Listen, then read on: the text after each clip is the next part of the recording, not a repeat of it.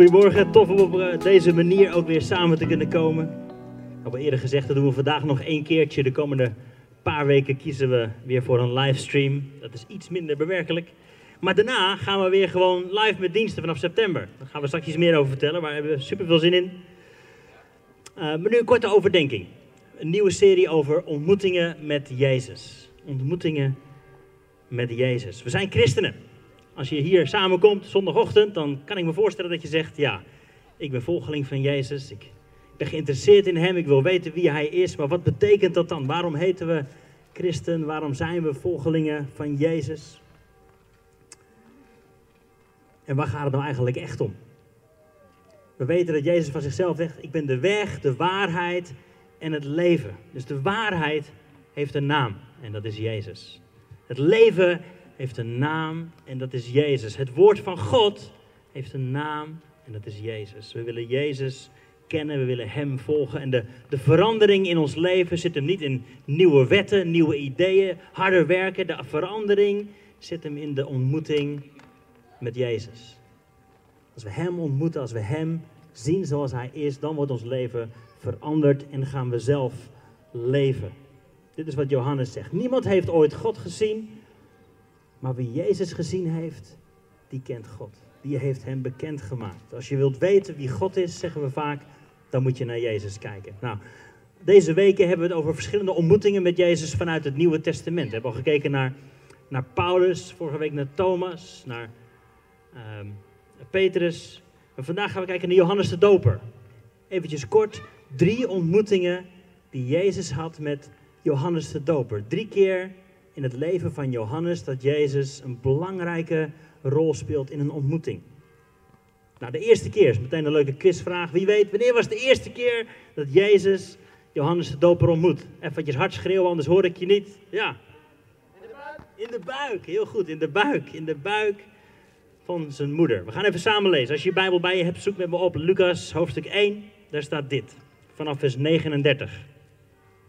Maria ging snel op reis. Maria had net gehoord van een engel: Je zult zwanger worden en je zult een zoon krijgen die de zoon van God genoemd wordt. Maria heeft het nieuws gehoord. Ze ging snel op reis. Ze ging naar het bergland van Judea, naar de stad waar Zacharias en Elisabeth woonden. Dat was familie. Elisabeth was een nicht van haar. Ze ging een huis binnen en ze groette Elisabeth. En toen Elisabeth de stem van Maria hoorde, trappelde het kind in haar buik. Nou, dat kind lezen we eerder in Lucas, dat kind in de buik van Elisabeth was Johannes. Johannes, die later Johannes de Doper genoemd werd. Het kind trappelde in haar buik. Een andere vertaling zegt, het sprong op in haar schoot. De Heilige Geest kwam in Elisabeth en ze riep naar Maria, jij bent gezegend, meer dan alle andere vrouwen. En ook het kind dat je krijgt zal gezegend zijn. Elisabeth zei verder, de moeder van de Heer is bij mij op bezoek. Wat een eer. Toen ik je stem hoorde, voelde ik het kind in mijn buik. Het trappelde van vreugde. Jij bent gezegend, Maria, want je geloofde dat God zou doen wat de engel je vertelde. Nou, we staan hier in de bakkende zon. Het is niet echt een kersttijd, maar toch even een kersttekst. Dit gaat over de tijd dat Maria zwanger is van Jezus en Elisabeth dus zwanger is van Johannes. Het is de eerste keer inderdaad dat ze elkaar ontmoeten, maar ze waren nog niet geboren. En toch was die ontmoeting daar. Nou, even een paar korte gedachten over deze eerste ontmoeting. Natuurlijk heel voor de hand liggend is dit. Ze waren ongeboren, Jezus en Johannes, maar ze waren wel springlevend. Ongeboren leven is nog steeds levend. En ook, en dat vind ik zo apart en bijzonder, heel gevoelig voor de aanwezigheid van God. Johannes was nog niet geboren, maar hij ervaarde al wel, hier komt de Zoon van God binnen. Hier komt God zelf binnen. En hij sprong op in de schoot van zijn moeder. Ongeboren leven ook. Ik weet niet, misschien zit je hier en verwacht je een kind of heb je al kinderen gehad. Dat wat in je aan het groeien was of is, is gevoelig voor de aanwezigheid van God. Ik weet dat hij dat vaak heel bewust deed. Liedjes zingen over God tegen onze ongeboren kinderen, daar heel bewust mee bezig zijn. Mooi om dat te doen. Een andere uh, gedachte uit dit stukje is hoe klein dat jij ook denkt dat Jezus soms in je leven is. En dat kunnen we allemaal wel eens hebben, dat je denkt, ja, hoe reëel is de, de, de, aanwezigheid van God nou in mij? Ik ben niet zoveel bezig met Jezus, ik voel hem niet, ik ervaar hem niet. Hoe klein die aanwezigheid van Jezus in je leven ook voelt. Het heeft een effect op anderen. Waar jij binnenkomt, komt nog steeds de aanwezigheid van God binnen. En mensen voelen dat.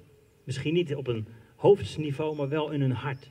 Waar jij binnenkomt met de aanwezigheid van Jezus, heeft dat een effect op anderen.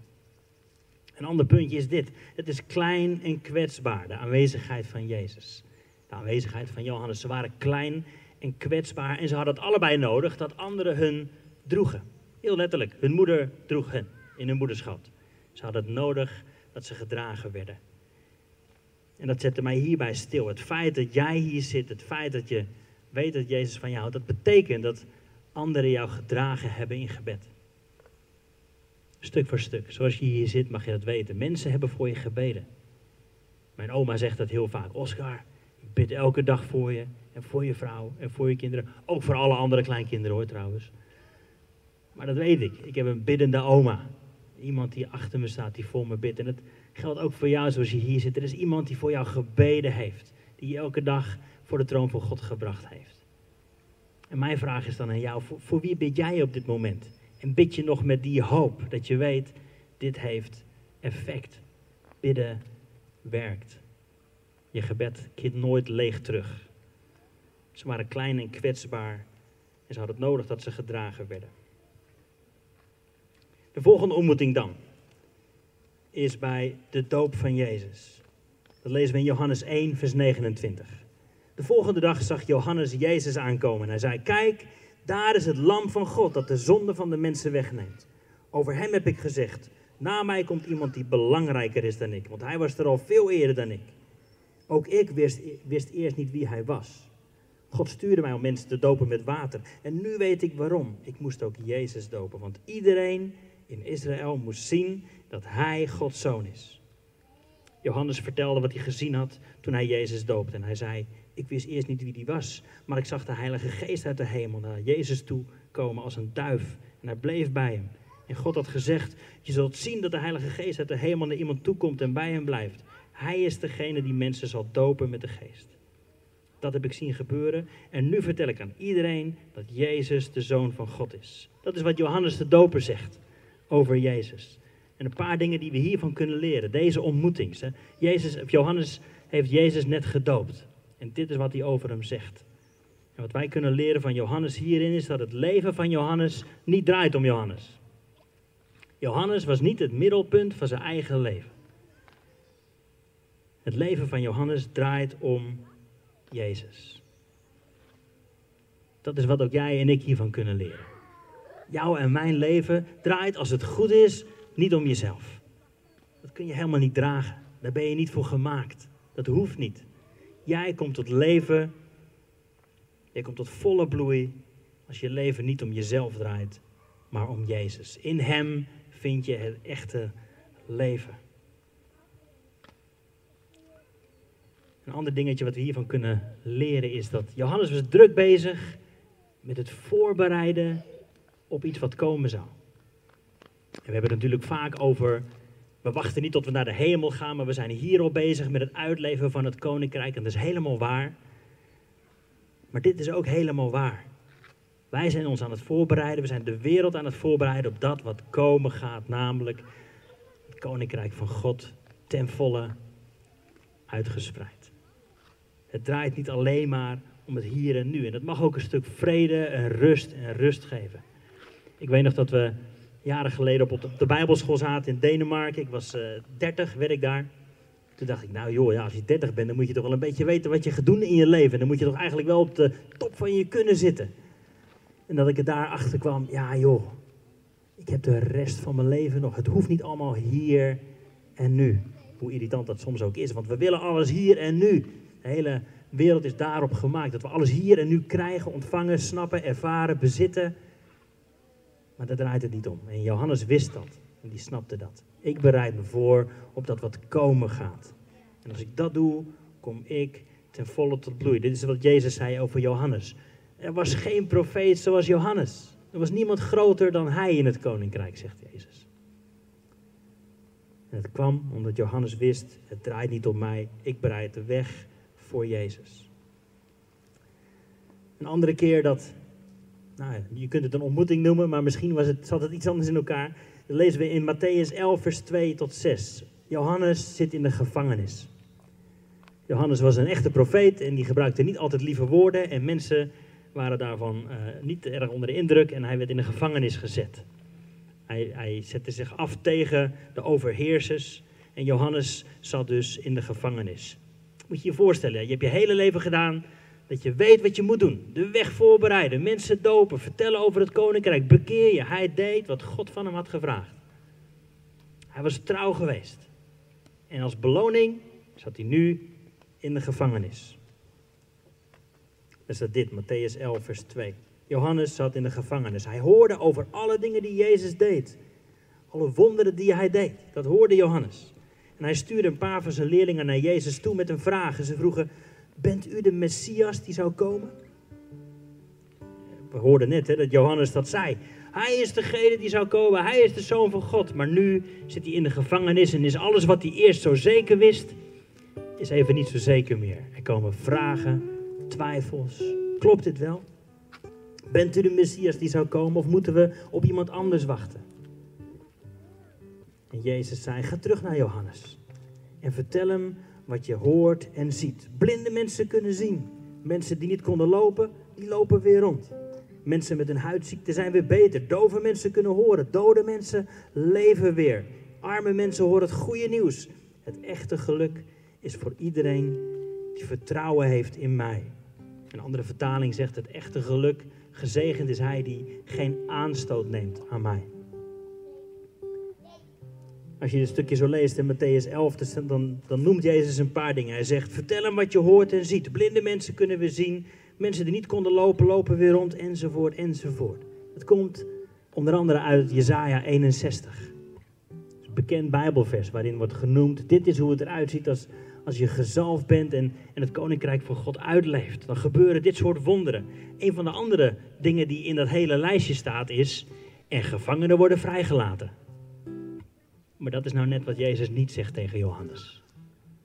Daar waar hij misschien wel het meest op hoopte, dat hij ook weer vrij zou komen. En dat gebeurt niet. Misschien is dat gebed wat Johannes wel uitgesproken heeft, Heer bevrijd mij. Dat is niet gebeurd. We weten dat Johannes uiteindelijk stierf in de gevangenis. Gebedsverhoring, heb ik opgeschreven, is geen kauwgomballenautomaat. Misschien ken je die dingetjes nu wel van vroeger. Je gooit er een kwartje in, je draait het knopje en dan komt de kauwgombal uit.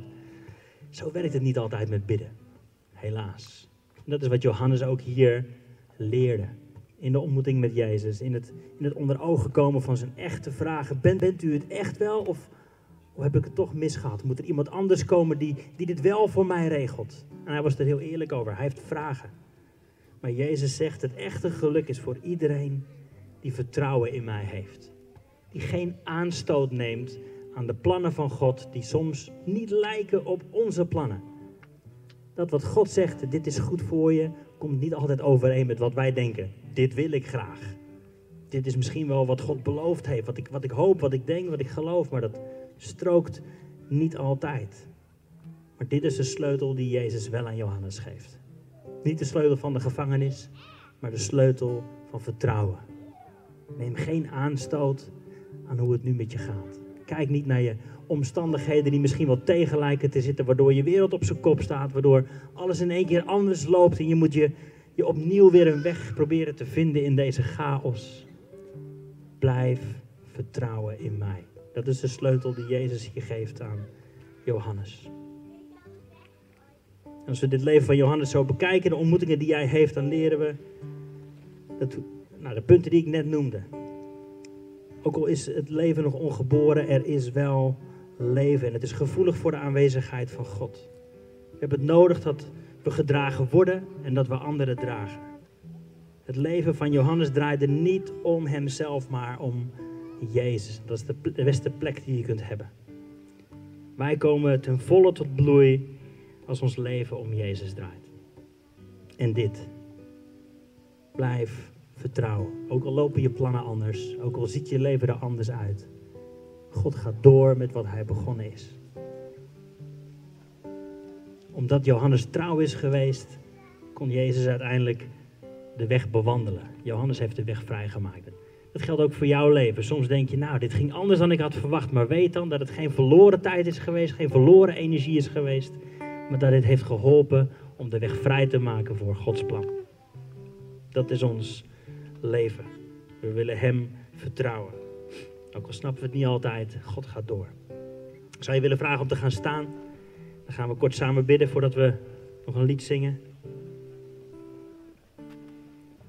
Heer Jezus, dank u wel dat u inderdaad te vertrouwen bent. Dat u betrouwbaar bent, dat u Heer bent over alles wat leeft. We willen zeggen, u mag ook Heer zijn van ons leven. Ook al snappen we het niet, we willen u wel vertrouwen. U bent nog steeds de weg, de waarheid en het leven. En ook al is het nu onduidelijk hoe het verder gaat, u bent de weg. En we willen u volgen, zodat we het leven vinden. Je wilt u ons zegenen, je wilt u ons bevrijden van dat wat ons vasthoudt. Wilt u ons redden, wilt u ons steeds meer levend maken. Zodat we lijken op u, Jezus.